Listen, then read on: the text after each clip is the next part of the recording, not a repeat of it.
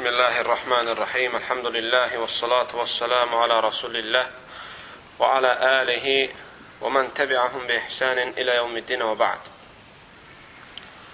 Bugünkü dərsimiz Allah talan izni ilə elmi faydalar mövzusunda toya və yaxud da çağırılan yemək içməyə, getməyə mane olan səbəblərdən danışacaq. Nə deməkdir bu? Bu deməkdir ki, əgər səni bir adam toya çağırarsa və yaxud sünnətə çağırarsa və yaxud da səni bir adam süfrəyə dəvət eləyərsə, onda o zaman sən o süfrədə iştirak etməyin mütləq lazımdır. Vacibdir ki, gedəsən. Çünki Peyğəmbər s.ə.v dəvət olunan yerə getməyi müsəlmanın müsəlmanın üzərinə olan haqlarından sayır. Lakin əgər ora getməyə, yəni ora getməmək lazımdırsa, onda orada da səbəblər var. Yəni bəzi səbəblər olsa, onda o zaman sənin ora getməyin vacib yox, bəzən bəyənilmir, bəzən isə haram olur. Deməli, çağırılan toylara və süfrələrə getməyə mane olan səbəblərdən Birincisi, bunu bilmək lazımdır ki, mane olan şeylərdən biri zamandır. Mane olan şeylərdən biri məkandır. Mane olan şeylərdən biri yeməkdir. Mane olan şeylərdən biri, səbəblərdən biri içməkdir. Mane olan səbəblərdən biri şəxslərdir. Mane olan səbəblərdən biri də başqa münkərlərdir. Nədir? Başqa münkərlər. Deməli, bunların az da olsa izahatına girək, şərhinə girək ki, hətta bu şeylər bəlli olsun.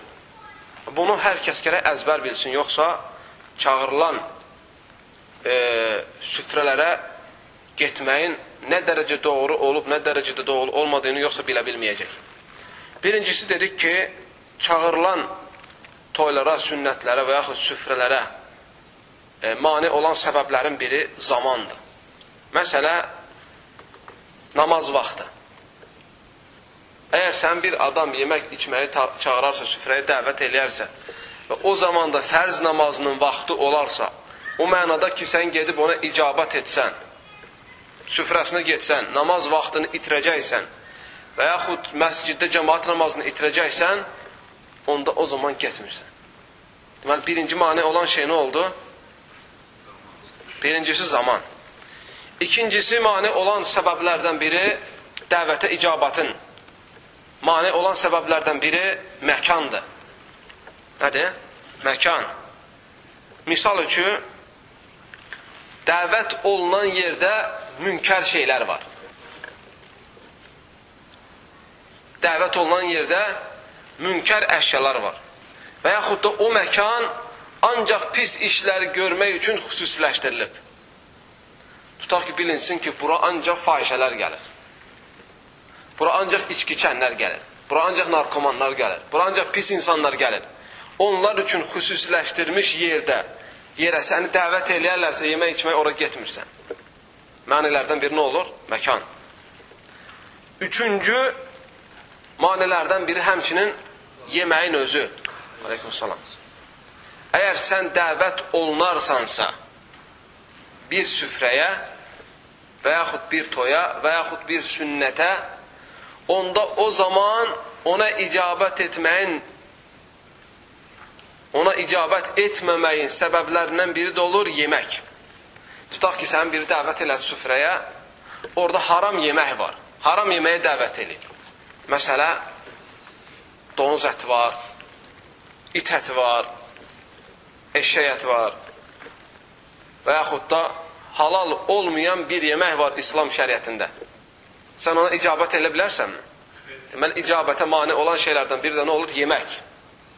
Dəvət olunan yerdə haram yeməyin olması. Burada bir məsələ var. Tutaq ki, sən bir süfrəyə dəvət olundun. Oradakı yeməklərin hamısı haram deyil. Halal da var, haram da var. Və deyirlər ki, bu tərəf halaldır, bu tərəf haramdır. Misal üçün. Yəni, qəst elədiyim budur ki, deyir ki, bunlar donuz ətidir, bu tərəfdəki mal ətidir. Belə süfrədə otmaq olarmı? Eyni hökümdür, otmaq olmaz. Haram olan süfrədə otmaq olmaz. Həmçinin dəvətə icabət etməyə mane olan səbəblərdən biri də içmək, içməkdir. İçməkdir. Nədir? İçmək. Əgər sən bir adam dəvət eləyərsə, sən ona icabət etməyə bilərsən, əgər onun süfrəsinin üstündə haram olan içki olarsa. Araq töküb, çaxır töküb, şampan töküb, pivə töküb. Bunların hamısı haram olan içkilərdir. Sən deyə bilərsənmi ki, mən içmirəm, mən elə belə qıraqda oturub yeyib içirəm. Deyə bilməzsən. Çünki Peyğəmbər s.ə.v deyir ki, kim Allaha və axirət gününə inanırsa, üstündə içki fırlanan süfrədə oturmasın.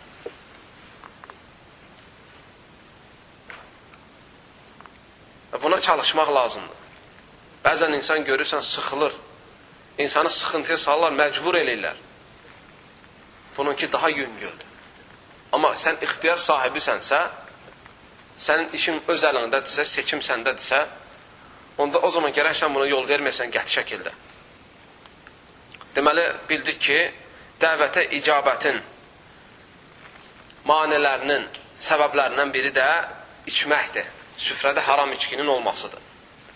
Və həmçinin manelərdən biri də dəvətə icabətin şəxslər. Tutaq ki, sən dəvət olunan məclisdə pis insanlar var. Hansı ki, etdikləri pisliklərlə öyünürlər. Əgər belə bir durum varsa, onda o zaman sən o dəvətə yenə icabət et, et, yəni ki, o dəvətə yenə icabət etmirsən. Və sən o məclisə getməyin bəyənilmir. Məsələn, süfrədir açılıb, səni dəvət ediblər ora. Orada da sən bilirsən elə insanlar var ki, onların ağzından ancaq pisliklər tökülür, pis şeylər danışırlar.